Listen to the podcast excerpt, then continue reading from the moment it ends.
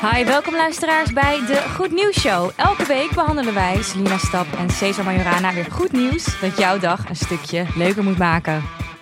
Je week, hoop ik. Of je week, Ja, of je leven. of je leven. Deze week hebben we het over de paus. Want wij pleiten voor geregistreerd partnerschap voor homoseksuelen. Dan is er in Nieuw-Zeeland het meest inclusieve parlement ooit gekomen. De Dublin Boys Club praat, laat mannen over hun gevoelens praten. Dus daar praten mannen over hun gevoelens. En eh, Facebook, dat kan van ons allemaal worden. Dat is echt iets, dit gaat heel groot worden in de toekomst. Verder is er ook nog de eerste vakbond voor animatoren in Canada. En dan bedoelen we niet van die vakantiedansers die een liedje zingen. Maar mensen die kinderseries en films en Pixar animaties, animaties. ja, ik snap hem. Oké. Maar eerst eh, beginnen we met hoe onze eigen weken waren. Hoe was jouw week, Selina? Eh, ja, mijn week was neutraal. Zat er positief nieuws in? Zat er positief nieuws in? Nou, ik weet niet. Ik probeer gewoon mijn dagen, vooral mijn weekenden, leuker te maken met spelletjesavonden en zo. En wijn drinken en, en dat soort dingen. Dat is jouw tweede lockdown. Dat is mijn tweede lockdown. Maar ik mis echt, echt de horeca, man. Word je uitgenodigd niet voor stiekeme huisfeestjes, drinkavonden? Nou, nee, als er echt een huisfeestje is met veel mensen, dan, dan kom ik niet. Dat vind ik toch wel niet. Dat vind ik wel asociaal. Oké, maar word je uitgenodigd? Eh, misschien. je durft niet te snitchen op je vrienden in je nee, podcast. natuurlijk niet. en jij? Ja, ik word, wel, ik word wel gevraagd voor dingen. En ik, moet- ik moet zeggen, ik was dus deze week ook voor het eerst echt van plan om naar een huisfeestje te gaan. Terwijl jij zo bang bent de hele tijd. Ja, maar ik ben niet geweest. Maar ik zat wel zo op de bank van ja, shit man. Maar wat versta je onder huisfeestje? Kijk, ik ben wel Nou- gewoon met z'n vijven of zo een spelletjesavond of, of aan het drinken. Maar niet gewoon met z'n twintig in een huis aan het dansen. Nee, dat was dit ook niet. Maar het Oh. was wel, ehm, het was wel zo'n chilling met oh, heel veel verschillende mensen uit allerlei verschillende vriendengroepen gaan in dit huis met elkaar wat gaan drinken. En dat ik vind dat, ja, ik denk dan, hey, wacht eens even. Het, het, het probleem ermee, oké, dit is misschien het probleem ermee. Ik ben gewoon, ik, er is ergens iets in mij wel altijd rebelleren. Dus ik denk altijd van, oké, maar ik moet nu ergens door de week kunnen drinken. En iets in mij is doodsbang voor het krijgen van COVID-19 en alle gevolgen van dien. En mijn geurverlies en smaakverlies. En nee, man. Dat weten we dat je er bang voor bent, ja. Ja, het gaat eigenlijk elke pot. Deze podcast is eigenlijk mijn therapie. dat zeker ik betaal hier ook eigen risico voor. Maar niet gedaan dus. Dat is nee, goed van je. niet gedaan. Nee, en verder heb ik deze week... eh, ik kwam erachter dat LinkedIn een ding... Ik kreeg, eh, mijn hele week stond in het teken van LinkedIn. Ik heb een vriend geholpen zijn LinkedIn te updaten. En ik kreeg zelf kreeg ik een baan aangeboden op LinkedIn. Oh, iets leuks? iets vrij serieus ook. Voor het eerst in mijn hele leven. Terwijl ik ben. Ik heb gek, ik heb gek werk. Ik, ik presenteer dingen en ik verzin dingen. Maar ik ben niet iemand die dus een LinkedIn-pagina heeft waar heel veel op staat. Eh, maar iemand kwam op mijn LinkedIn die, die, en die belde via op een of andere manier en zo. Maar wat was de baan dan? Kan je dat zeggen of niet? ja, dat kan je nooit zeggen natuurlijk. Maar Jammer. het, het, needless to say, ik wilde het niet doen. Het was veel te serieus. Het was een soort projectding bij een belangrijk fonds in Nederland. Het was te weird. Dat past ook niet bij jouw rebelse aard. Ja, dat. En ik dacht, er zijn te veel mensen bij dat fonds. Krijg ik corona van die mensen. Dat... Nee, dat dacht ik niet. Grapje. Kom, we gaan door. We gaan naar het korte nieuws.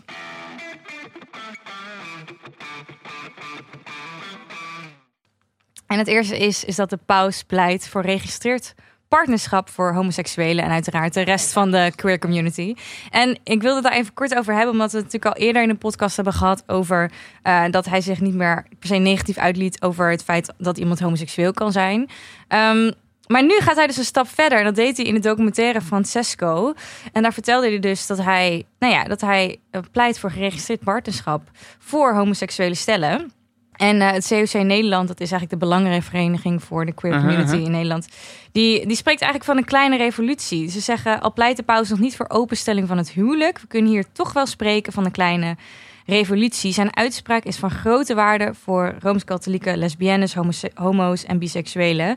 Eindelijk erkent de leider van de katholieke kerk hun recht op een wettelijk vastgelegde relatie. Dus dat is ook wel echt. En ik denk eigenlijk dat het, ze zeggen hier per se voor rooms-katholieke lesbiennes en eh, homo's en biseksuelen. Maar ik denk eigenlijk voor iedereen dat dit wel een mijlpaal is. Als iemand van dit statuut en van deze religieuze eh, achtergrond dit zegt. Ja, maar het is ook een manier voor de paus om die macht over wat dus wel en niet kan in het heilige huwelijk bij zich te houden. Want hoezo gaat de paus er überhaupt nog steeds over? Was het niet vetter als hij zei van, nou trouwens, het feit dat de kerk zo macht heeft over de institutie van het huwelijk, dat is onzin. In plaats van dat hij nu weer zegt van, nou weet je Over wat, het wij als katholieke kerk... huwelijk, hè. Ze hebben niet per se... Want in ons land kunnen eh homo's en, lesbiennes gewoon trouwen sinds 20 jaar. Ja, maar waarom 20 jaar. dan, waarom dan nog steeds zich uitspreken als machthebber over dat instituut? Ik snap gewoon niet zo goed hoe... ehm, Omdat ze ik, gewoon ik heel denk dat er gewoon ook heel veel mensen in de queer community dit toch helemaal geen goed... Dit is toch voor heel veel mensen ook weer geen goed nieuws. Hoezo? Omdat je toch sowieso al wist dat je niet op de goed... Wil je één, wil je de goedkeuring van een, van een instantie die structureel bezig is geweest om kindermisbruik en pedofilie onder stoelen en banken te schuiven? Wil je, wil je zeg maar dat zij zeggen, nou jij mag trouwen? Ik kan me dan niet eens voorstellen Nee, dat ik denk dat heel veel niet-gelovige mensen uit de queer community inderdaad geen bal zou interesseren. Maar er zijn heel veel mensen die wel eh ja, toch? Maar, katholiek oké, maar zijn. stel dan dat je moeder hè, denkt van nou, als de paus het zegt, dan mag ik weer van mijn zoon houden. Dan is je moeder toch nog steeds een kutwijf. Ja, maar ja, het is wel weer een mogelijkheid tot een wederopbouw van een relatie die stuk was. Nee, sorry. Ik vind, in 2020, als je nog steeds. Ja, maar dat vind jij. geen- Maar dat is, het is Ja, ja, zo'n oud de instituut. De paus is gewoon een lul. Hij blijft, het blijft een beetje een lul. Nou, het hele instituut van de Rooms-Katholieke Kerk blijkt natuurlijk, vind ik, vrij bizar. Maar alsnog kan je dit dan wel in, in zijn context zien dat het goed nieuws is voor heel veel mensen. Waarbij het nu, helemaal nu je ziet hoe Polen steeds katholieker tussen haakje wordt, oftewel gewoon eh, minder tolerant. Ja. eh, jegens homo's en lesbiennes. Ja, en als en de paus dan ervan, hè? zegt, ja, maar als de paus dan dus zegt, maar ik sta voor hun rechten, dat is zo'n duidelijk statement die hij maakt, daardoor regeringen zich ook niet meer kunnen schuilen achter ja, nee, we worden gewoon een stuk katholieker, dus daarom gaan we meer discrimineren. Ja, dus we moeten de paus dankbaar zijn dat er, als er minder op homo's ingebeukt wordt in Polen, dat het dan misschien door hem kan komen. Ja, precies. Dan gaan we door naar het volgende. Eh, Nieuw-Zeeland, vertel me hierover. Het meest inclusieve parlement ooit. Ja, nou, eh, Nieuw-Zeeland eh, heeft als prime minister Jacinda Ardern. Ik weet niet of je het een beetje hebt gevolgd hoe zij Nieuw-Zeeland ruled, als het ware. Maar ik ben een groot fan van haar. Ja. Uiteraard, want ik ben natuurlijk feministisch als, als heb ik jou Ja, we hebben de vorige aflevering al geconstateerd... als jij beroofd zou worden en het is door een vrouw... dat je dat toch best positief zou vinden. Nou, zou ik denken, zo, een vrouw. zou ik het wel prima vinden. Maar wat, wat is er dan zo vet aan deze meid? Nou, deze meid die is dus eh, een vrouwelijke president, minister-president van Nieuw-Zeeland. Volgens mij is het ook de eerste, maar dat weet ik niet zeker. Maar ze is dus nu herkozen met 49,1% van de stemmen. Dat is dus echt heel veel. Ze hebben een, een meerdere partijenstelsel, dus niet zoals eh, eh, in Amerika of andere landen dat je maar twee partijen kan kiezen. Ehm, en zij heeft dus een nieuw parlement samengesteld. Zij werd al eigenlijk op handen gedragen omdat zij heel goed reageerde op de terroristische aanslag toen in de moskee, moskee in Nieuw-Zeeland. Eh, bij een Dat was die gigantische aanslag met waar echt dat filmpje, die first person Ja, shooter ja, aanslag. waarop eh, eh, mo- moslim, heel veel moslims zijn vermoord. Bij een gigantische vulkaanuitbarsting waar ze toen werd geïnterviewd, bleef ze super, super kalm.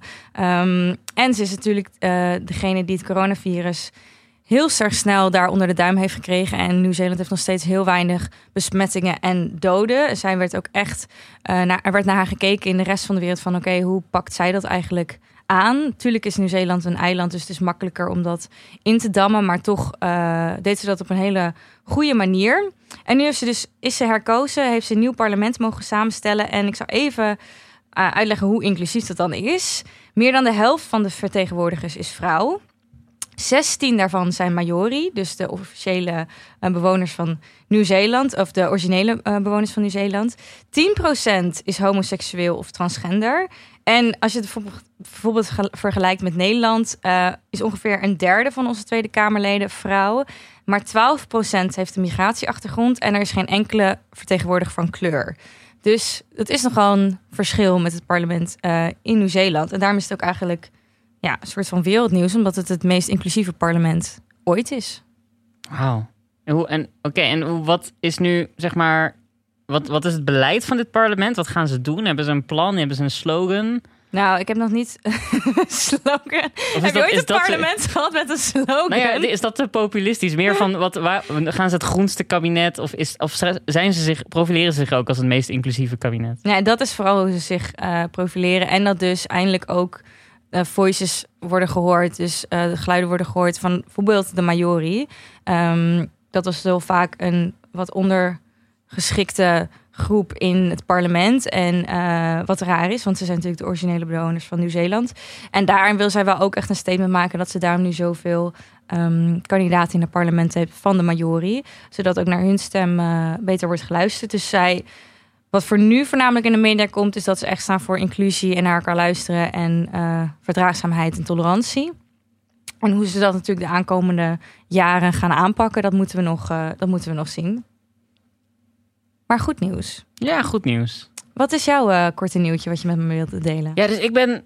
Er is een industrie op aarde die eigenlijk heel geheim. En we weten eigenlijk niet zo goed. We weten wel dat ze grote successen slaan de hele tijd. Maar we weten niet zo goed wat nou heel de tijd daarvan dan weer het geheim is. En wat we wel weer weten is dat het een hele slecht betaalde industrie is. Het is een kwetsbare industrie. En dan heb ik het over animatoren. De mensen die eh, 3D-animaties, beeldanimaties, films, tekenfilms, series kunnen maken. Die, eh, ik weet niet of je dit wist, maar het, het is een sector waarin zoveel uitbuiting plaatsvindt. Nee, uh, nooit heeft dus te maken met. eh, er zijn superveel mensen die jong of zelf getraind of afstuderen als animator. Die stormen elk jaar weer massaal de arbeidsmarkt op. Maar er zijn maar heel weinig studio's die grote projecten maken. En die grote projecten moeten op steeds snellere, eh, eh, eh, snellere deadlines, kleinere budgets. Die, die projecten die moeten constant maar zo snel mogelijk op de markt komen. Want mensen willen zeg maar na Cars 1 willen ze Cars 2 en 3. En er is een, een gekke, anders dan met een speelfilm,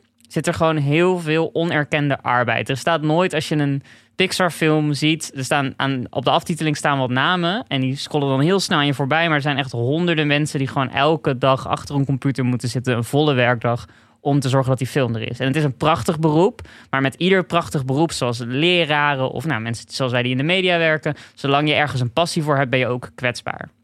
Dus deze mensen zijn heel kwetsbaar. Ze werken voor weinig geld, ze houden ervan, ze doen het toch.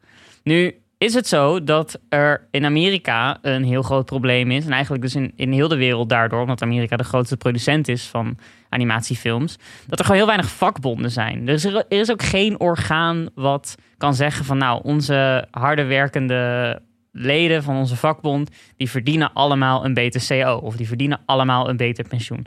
Dat gebeurde heel lang niet. En er is nu verandering in aan het komen. Er zijn al een aantal vakbonden in de sector actief. Die worden veel tegengewerkt natuurlijk door grote bedrijven als Disney.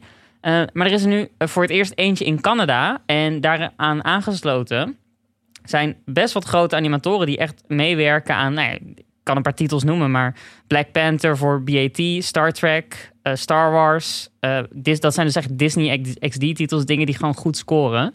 En die hebben gezegd van, goh, wij moeten een vakbond worden. Wij moeten onze krachten bundelen, want er is vraag naar en we willen terugvechten tegen de steeds strenger wordende eisen van onze werkgevers.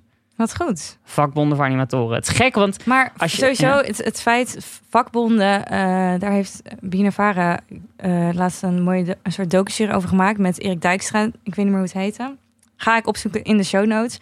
En dat ging eigenlijk over hoe vakbonden zeg maar, het werkveld in Nederland hebben veranderd en zoveel eerlijker hebben gemaakt voor werknemers. En dat vergeten we denk ik soms vaak. Want vooral zoals wij, jongeren, mensen in de 20, 30, zijn vaak worden geen lid van vakbonden. Nee, we worden geen lid van vakbonden. Terwijl eigenlijk moeten we dat wel doen, want dat is de enige die echt voor onze rechten staat. Niet je werkgever vaak. Nee, en ook niet je andere collega's, want die zijn zelf bang voor hun baan. Ja, Dus iemand anders gaat zeker weten jouw baan overnemen, al krijgt hij er minder voor betaald, want mensen hebben het moeilijk. ja. Dus nee, ja, zeker. Er is, er is heel veel. Daar kunnen we echt afleveringen over vullen, denken, eh, denk ik. Over hoe belangrijk het is om weer vakbonden te krijgen. Ehm, maar in ieder geval, in de animatiewereld is er eentje bijgekomen. De allereerste in Canada. En weer een grote stap voorwaarts voor deze sector.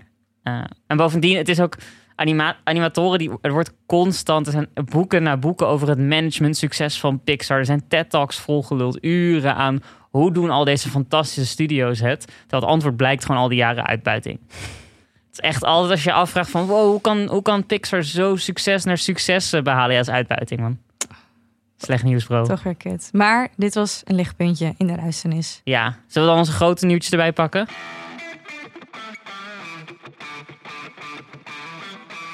Onze grote nieuws. En ehm, voor onze laatste aflevering van dit seizoen, want dat is het, deze De aflevering, de hekkensluiter, dacht ik, ehm, ik heb natuurlijk heel vaak goed groot nieuws eh, in het thema van feminisme, omdat ik zelf natuurlijk feministisch ben. Dus als ik daar iets van tegenkom, dan is het toch vaak iets wat mij opvalt, wat ik met jou wil delen, waar ik uitgebreid over wil praten. Maar ik dacht nu, ik moet het ook een keer over een andere boeg gooien. Want het feit dat ik feminist ben, betekent natuurlijk niet dat ik anti-man ben. Dat is altijd vaak een verkeerd eh, iets wat, wat, wat mensen denken als je zegt ik ben feminisme is anti-man. Zijn dat Nee, dezelfde feminisme- mensen die denken dat er in zeg maar een eh, vegetarische slager hamburger ook wel echt dode dieren moeten zitten? Ja, het klinkt als wel, zo'n verwarring. Misschien wel, zijn dan die fucking mensen. Ehm, maar goed, het gaat natuurlijk, feminisme gaat niet over anti-man, het gaat over gelijkheid. Maar ik wilde toch iets een keer pro-man vertellen, want daar zijn ook heel veel goed nieuws over, goed nieuwsberichten over te vertellen. En ik kwam dit tegen en ik vond dit zo leuk en tof en ik wil het ook heel graag aan jou vertellen, omdat ik benieuwd ben wat jij ervan vindt. En dat is dat er een fenomeen is ontstaan. Eh, het is begonnen in Berlijn, maar ik ga het even hebben over de Dublin area waar dit is ontstaan, de Dublin Boys Club.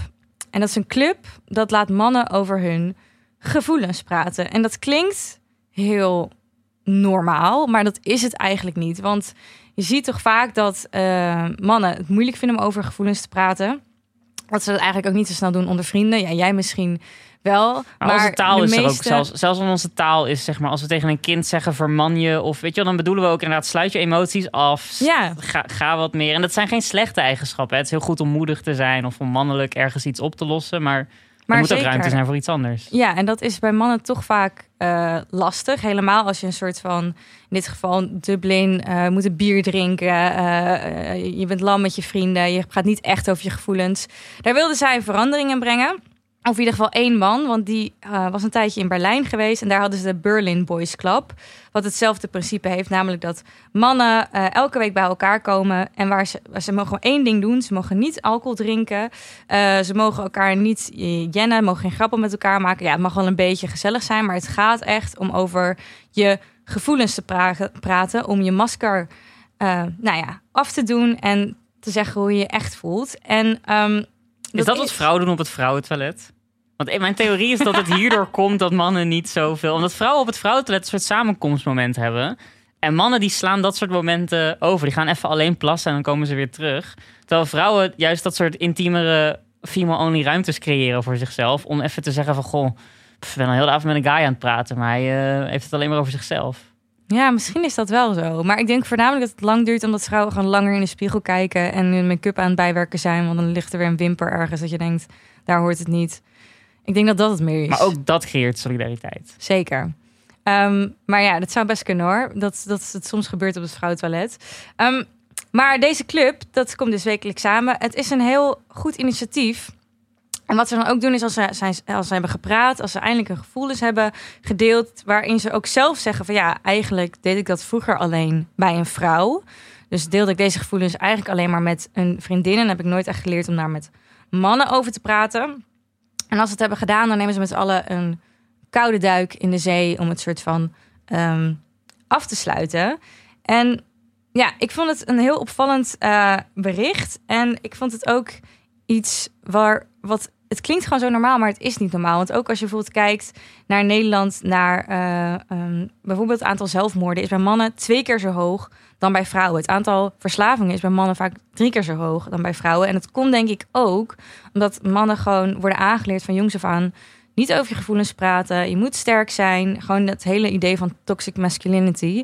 Ehm, dus dit soort initiatieven waarin mannen bij elkaar komen en gewoon een guard down, eerlijk vertellen: dit gaat er niet goed in mijn leven, dit vind ik kut, hier voel ik me onzeker over.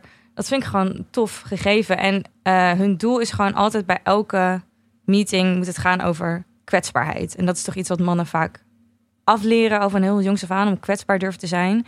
En nu eigenlijk dat weer een soort van aanleren in die, in die club. Dus ik hoop dat het, eh, ehm, dat, dat dit een soort van initiatief wordt wat in meer delen van de wereld wordt uitgerold. Want ik kom zelf uit een klein eh, dorpje buiten de Randstad. En als ik denk aan de mannen daar, dan Ja, Hadden die het ook wel wel de, de kunnen belevingswereld van een koelkast, toch? Nee, maar hadden die ook dat kunnen gebruiken? Dat is ook echt wel van... Ja, ja je praat niet over gevoelens. Ik denk dat dat hier in Amsterdam wel, wat meer geaccepteerd is dan op andere plekken in Nederland. Ik ga je heel mooi aanvullen. Ik, heb, ik ben eh, eh, betrokken geweest bij de ontwikkeling van een, een pilot van een kunstenaar. Hij heet Martijn Engelbrecht en hij ontwikkelde de penisdialogen. En dat is een serie workshops inderdaad voor mannen om over thema's als seksualiteit en intimiteit te praten. Dus dat is nog niet het hele spectrum van hoe verhouden we ons tot de wereld, maar wel hoe verhoud ik me tot mijn lichaam. En daar begint al een hele grote ontdekkingstocht. Ik kwam er zelf achter dat eh, ik eigenlijk van de meeste van mijn vrienden ongeveer wel, en dan heb ik het echt over beste vrienden, ik weet wel hoe ze ontmaagd zijn, of in ieder geval wat de omstandigheden waren. Maar ik heb nog nooit gevraagd, hoe voelde je je daarbij? Hmm. En toen iemand mij voor het eerst, toen ik in, met deze kunstenaar in gesprek raakte, Martijn Engelbrecht, die dit heeft opgezet, toen hij mij voor het eerst die vraag stelde, toen ging mij opeens alles branden in mijn hoofd. Van, wow, waarom heb ik eigenlijk nooit stilgestaan op, op de emotionele ervaring van dat soort dingen? En zo heb ik, eh, eh, nou, hij heeft een soort spel gemaakt, een kaartset, een pakket. En dan kun je vragen gewoon eruit pakken en aan elkaar stellen als je een mannenavond hebt. Maar ja, ik ben groot voorstander, man. Ik kan niet anders zeggen. Ik denk echt dat inderdaad de belevingswereld van gewoon heel veel mannen om me heen nog steeds zeg maar niet heel veel dieper gaat dan een dan zo'n koelkast met een heel laag energielabel. Nou, de belevingswereld denk ik wel. Alleen de stap om daar dan over te praten, dat is nog een soort van vaak ja, weet groot. ik. Maar dat, ik vraag me dat dus af. Ik denk dus namelijk dat de, de, het gebrek aan taal hebben, dus het ge- gebrek aan kunnen uitspreken wat je nou eigenlijk voelt. Heel veel van die gevoelens gewoon die onuitgesproken zijn, zijn dus ook niet meer concreet. Ik denk dat het echt puur op het niveau van gevoel is. Dus niet opeens. Ik denk dat niet heel veel mannen ook doorhebben dat ze depressief zijn, bijvoorbeeld. Ik heb echt wel vrienden die, zeker vrienden buiten mijn linkse bubbel, die echt wel issues hebben met dingen waarvan ik zeg, nou, volgens mij ben je gewoon best wel depressief, bro, als jij niet vooruit te branden bent door de week en je haat je baan en je denkt dat je moet stoppen en al dit soort zaken. En eh, omdat zij niet geleerd hebben die taal van spanningen, angst, eh, eh, wel of niet in je vel zitten. Eh, en dit, zijn dingen die ook heel snel weer zweverig kunnen klinken. Maar het is gewoon heel nuttig om te denken: goh, ben ik, ben ik op mijn gemak? Of hoe... En dat zijn vragen die ze zichzelf niet stellen. Dus ze, ze hebben volgens mij niet de woorden om überhaupt te kunnen verklaren aan zichzelf waarom ze zich voelen, hoe ze zich voelen. Dus ik denk echt ook dat het zelfs een belevingswereld ding is. Dat er gewoon echt heel veel mannen zijn die niet. En dit, en dit eh, zie je teruggereflecteerd in verhalen van mensen die dan zeggen: van ja, ik heb in al die jaren maar mijn vader één keer zien huilen. Ja, En vaak als je dan vraagt waarom, ja, er was iets gebeurd wat niet eens per se een aanleiding had moeten geven. Maar blijkbaar was er gewoon heel veel onuitgesproken. En dat zie je heel veel om je heen. Dus het is ook wel een goede, misschien gewoon een goede tip ook. Als je mannelijke luisteraar bent en je hoeft niet tips van mij aan te nemen. Maar als je zin hebt, begin een keer een gesprek met je vrienden over hoe bepaalde ervaringen uit het verleden, zeker qua intimiteit, want ik denk dat het lichaam ook de beste beginplek is om, om over jezelf te leren om hoe het was. Ik, vond, ik vind het een van de meest interessante dingen die ik ooit heb besproken in mijn vriendengroep. Hoe was het om ontmaagd te worden? ik vind dat ook echt zo bizar dat je daar nooit... Als ik zeg maar kijk naar de gesprekken die ik heb met mijn vriendinnen... dan weten die echt alles. ja, toch? Jij weet maar bij wie het wel en geen pijn deed? Elke keer seks dat ik gehad, heb ik bijna wel een soort van uitgebreid verteld. Nou, in veel mannengroepen is het echt wel van... Ja, nee, ja, het was eh, zo... Ja, ik was zo oud, zij was zo oud. Het is veel, dit is veel details, maar het Ja. is niet echt substantie. Het is niet echt het gevoel wat erbij komt kijken. Nee. Dus, ehm, nou ja, tip van Cesar. Meer boysclubs, überhaupt. Meer boys clubs. Ja, ik zal in de show notes, eh, die vind je bij, eh, eh, als je op de info klikt van deze aflevering, zal ik de website van Penis Dialoog ook linken. Ja, en in het Vriend van de Show pagina als je het in een podcast hebt luistert. Ja.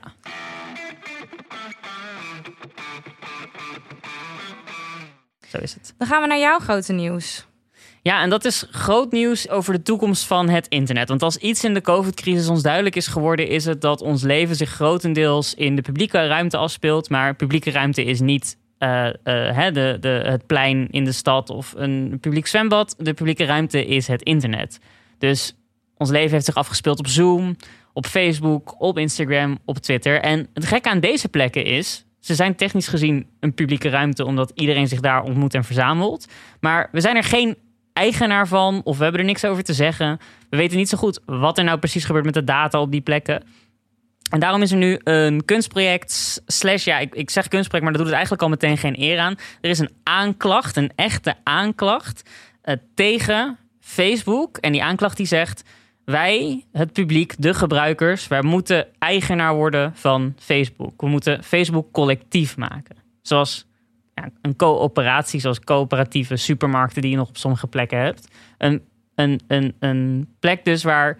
dat- Nou, Facebook moet een bedrijf gaan worden waarin wij als gebruikers, wij genereren namelijk de content op Facebook. Als Facebook geen gebruikers had, was het een lege website elke dag. Ehm, maar wij willen daar iets voor terug, namelijk een klein beetje zeggenschap over wat er gebeurt op Facebook. Wat de toekomst is van Facebook en wat Facebook nou per se doet met onze data. En hoe, hoe willen ze dat dan vormgeven? Hoe gaat het eruit zien? Dat, dat is, er is een heel gek ding aan de hand in de wet. Want nu is het zo dat er ooit, en ik moet het er even bijpakken om het correct te hebben, maar na de Tweede Wereldoorlog kwam de Universele Verklaring van de Rechten van de Mens. En daarna uh, is er, die verklaring is vertaald in aspiraties.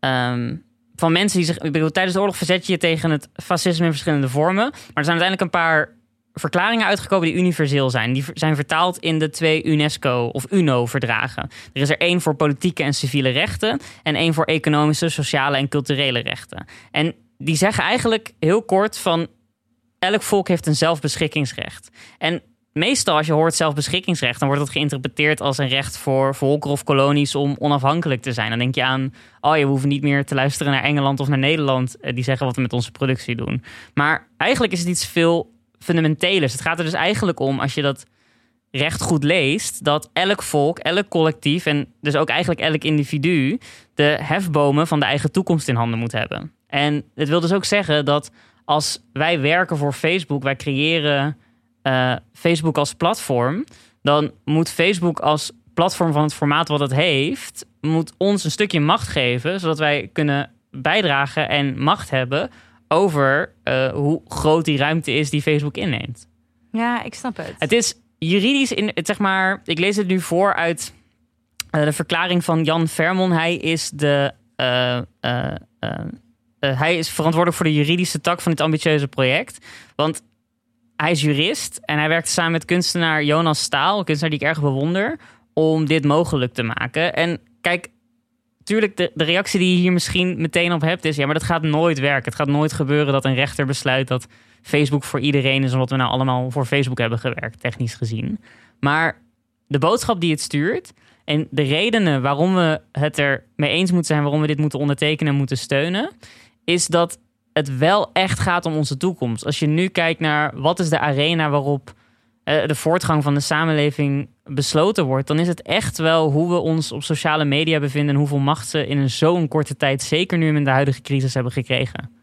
Ja, en eigenlijk zijn we dus op social media ook een soort van volk. Ook al zijn we, komen we niet samen in een land, zijn we niet bewoners van een land, maar we zijn bewoners van Facebook. En daar moeten we ook de goede metafoor die je gebruikt. Dat is toch eigenlijk wat het dan, wat, waar zij dan voor staan? Van we zijn een soort land op Facebook en daarin moet je als bewoner van Facebook ook je recht hebben op jouw eigen content. Zeker. En als je nou groot voorstander bent van, uh, uh, van de vrije markt, ook dan ben je voorstander van dit plan. Want Facebook is zo uitgegroeid tot een totale, totale hegemonie over onze online tijd. Dus het wil zeggen dat Facebook zo erg groot is dat eigenlijk kan niemand daar meer tegenop. Het is een soort echt... totalitair regime, ja. een dictatuur. En als je houdt van een vrije markt, dan gun je ook Facebook concurrentie. Dan gun je ook Facebook dat die macht die ze hebben een klein beetje uh, niet meer zo verdeeld, wat eerlijker verdeeld wordt.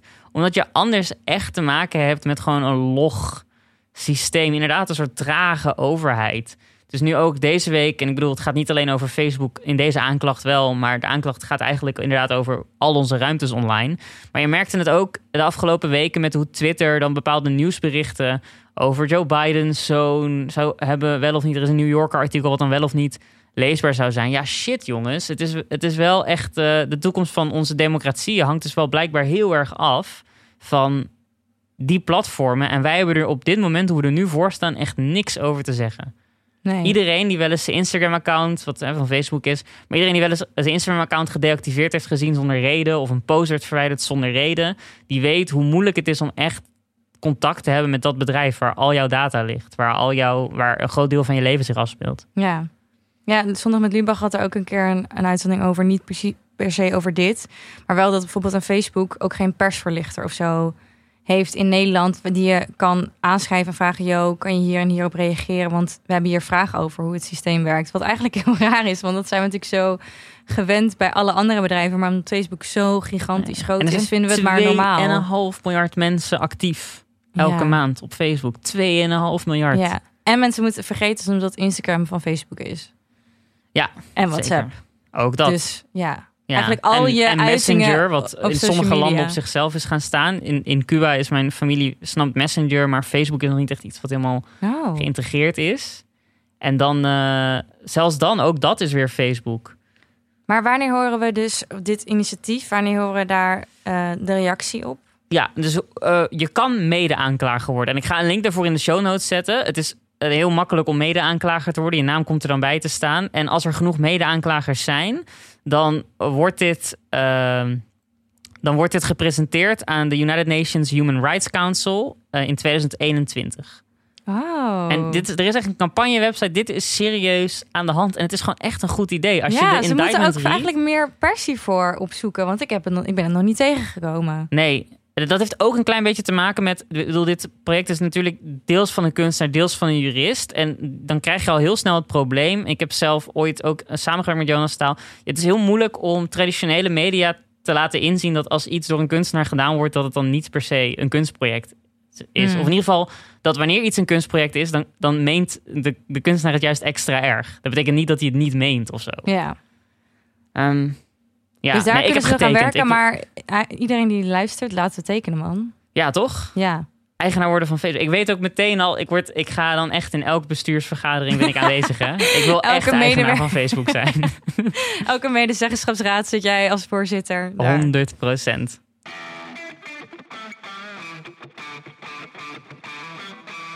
Dankjewel voor dit eh, laatste grote goede nieuws van ons eerste seizoen. Ja, Ehm, wat, moeten we, wat moeten we nu met ons leven? Want het is letterlijk winter aan het worden. Ik weet het gewoon niet meer hoor. Nee, en we moeten wel erbij zeggen dat we dus terugkomen. Waarschijnlijk De Amerikaanse verkiezingsuitslag komt eraan. Dat moet Ja. ik allemaal zonder deze podcast zien te overleven. moeten we overleven. Ik denk, we komen denk ik in januari terug. Oké, we zullen zien. Maar, Voorzichtig ehm, in potlood mag je het in je agenda zetten als trouwe luisteraar. Eh, en nu voor de allerlaatste keer. Allerlaatste keer. De, maar wat doe jij dan? Want wij moeten de wereld natuurlijk ook een stukje beter maken. En niet alleen de mensen die wij bespreken in onze podcast. En Cees, eh, omdat het onze laatste aflevering is, omdat we begonnen met een wat groter initiatief, namelijk het Zolang het nodig is initiatief, met het staan op de Dam eh, tegen discriminatie in Nederland, dacht ik, we moeten wel weer eindigen met een bang. We moeten iets groots doen, we moeten Oh niet nee, toch? wijn bij de nonnen halen. Nee, dit wordt, dit wordt heel leuk, vind ik zelf. Vertel me. Cees, ehm, ik, ga, ik ga eerst beginnen hoe ik op dit initiatief ben gekomen. Je gaat jezelf vastbinden aan de Vrijwilligers- kerncentrale. Ik ga me vastbinden aan de vrij. Doe dat alsjeblieft een keer. Nee, ehm, ik ben altijd heel geïntrigeerd door vrijwilligerswerk. En wat ik er lastig aan vind, is dat je vaak voor een lange tijd moet committen aan een bepaalde datum of een dag die je altijd vrij moet houden. Dat is in een druk millennial bestaan soms lastig. Maar nu is er een oplossing, namelijk eh, NL Cares. Dat is een website waarin je eh, voor eenmalige initiatieven kan opgeven als vrijwilliger. En ehm nou kwam ik daar verschillende hele toffe initiatieven tegen. Maar degene die mij het meest aansprak en zei is wat ik vind dat wij met z'n tweeën moeten gaan doen, is het voedselpakketten inpakken voor de voedselbank hier in Amsterdam. Oh ja, tuurlijk dat is man. een, ehm, eh, een, het is een ochtend of een middag. We kunnen zelf bepalen. Dan moeten we zo even de agenda's bij elkaar leggen. Het duurt drie uurtjes. En dan eh, maak je verschillende pakketten eh, voor mensen die het echt nodig hebben. Helemaal nu met de coronacrisis. Eh, de voedselbank wordt steeds meer bevraagd door mensen die het nodig hebben. Dus eh, ik vind dat wij daar wel een paar uurtjes aan kunnen besteden. Dus Ja. Maar we is gaan- dit, begrijp ik nu goed dat dit een soort van de Uber voor vrijwilligerswerk is? Dat je gewoon even een uurtje... Nou ja, je hebt gewoon, je hebt gewoon verschillende initiatieven waar mensen voor eenmalige dingen nodig zijn. Dit kan je natuurlijk ook vaker doen als je dat wilt, maar het hoeft niet. Dus als je denkt, nou, ik kan een week niet, ik kan twee weken niet, of ik kan Wat nu voor wel. klussen zijn het dan? Is het niet van... Je want- kan, je kan helpen in een taalcafé voor nieuwkomers. Je kan maar wandelen dat, met dat, ouderen Oké, taalcafé, maar dat is toch al meteen wel... Zeg maar, ik weet, mijn eerste werkdag is altijd mijn slechtste werkdag. Want ik heb nog geen flauw idee. En ik ben de hele tijd maar zo aan het kijken van... wat is dit, wat is dat? Ehm, dus hoe zorgen ze ervoor? Krijg je dan een mail met... Ja, ja, ja. Het wordt, het wordt, je krijgt Info. een mail, je krijgt info. eh, eh, bij sommige dingen word je ook begeleid, bij sommige dingen niet. Kijk, dit voedselpakket inpakken is natuurlijk best wel... Ja, Spreekt voor spreekt zich. voor zich. Ja. Ehm, dus ja, er zijn eigenlijk verschillende dingen staan daarop die je, die je kan doen. Dus als mensen het leuk vinden, ga even naar de website van NL Cares. Ik zal het in de show notes zetten. Ehm, maar Cees, wij gaan voedselpakketten inpakken voor de voedselbank. Ja. Dus die krijgen jullie dan nog van ons te goed op Instagram. Dat we bewijzen Dat een goede reden dat we dit hebben gedaan. volgen op Instagram in deze tijd. Eh, Precies. ja, ik ga 100% mee, man. En ik, ik vraag, ik heb ook zit nu te bedenken van waarom heb ik dit niet eerder gedaan. Ik wist niet dat dit er was eigenlijk. Maar wel, ja, tuurlijk, als, als je dat gewoon drie uur kan doen. En dan als je weer een keer ergens drie uur tijd hebt op een willekeurige andere dag, dan Ja. weer. Ja, tuurlijk, man. Precies. Dus we gaan onze agendas bij elkaar leggen en we gaan het doen. Maar is het, niet, is het dan niet voor die... Ik, ik denk dan meteen van, oh, maar kut voor die voedselbank. Want stel dat wij echt goed zijn, dan, dan gaan we weer weg. Nee, maar het is beter iets dan niets, denk ik. ja, met die mentaliteit moeten we het doen. Daarom. Nou, deze dat was hem. Eh, onze laatste aflevering van het eerste seizoen van de Goed Nieuws Show. Ik vond het heel leuk eh, om dit met jou te doen. Ik vond het leuk met jou. Ik vond het leuk met de luisteraars. Ik ben blij met iedereen die ons berichtjes stuurde. Mensen Ja. die ons DM op Instagram, e-mailen. Het is echt fijn om te horen dat we het doen voor een publiekje. Ja, En dat jullie ons publiekje zijn. En- En als je nu luistert, dan hoor je automatisch bij dat publiekje. Maar je kan ook vrienden van ons worden. En dat gaat nog het hele jaar door op de Vrienden van de Show pagina die we hebben. En ehm, moet ik dan nog... Wil jij dan de, de afsluitende woorden zeggen? nou ja, je kan natuurlijk ons volgen op Instagram. Je kan een recensie achterlaten op iTunes. En je kan ons een lieve of niet zo lieve mail sturen wat je wil. Maar liever lief. En nou ja, dan wil ik jullie heel erg bedanken voor het Oh, jongens, luisteren. succes man deze winter. En tot, eh, tot volgend seizoen. Tot volgend seizoen.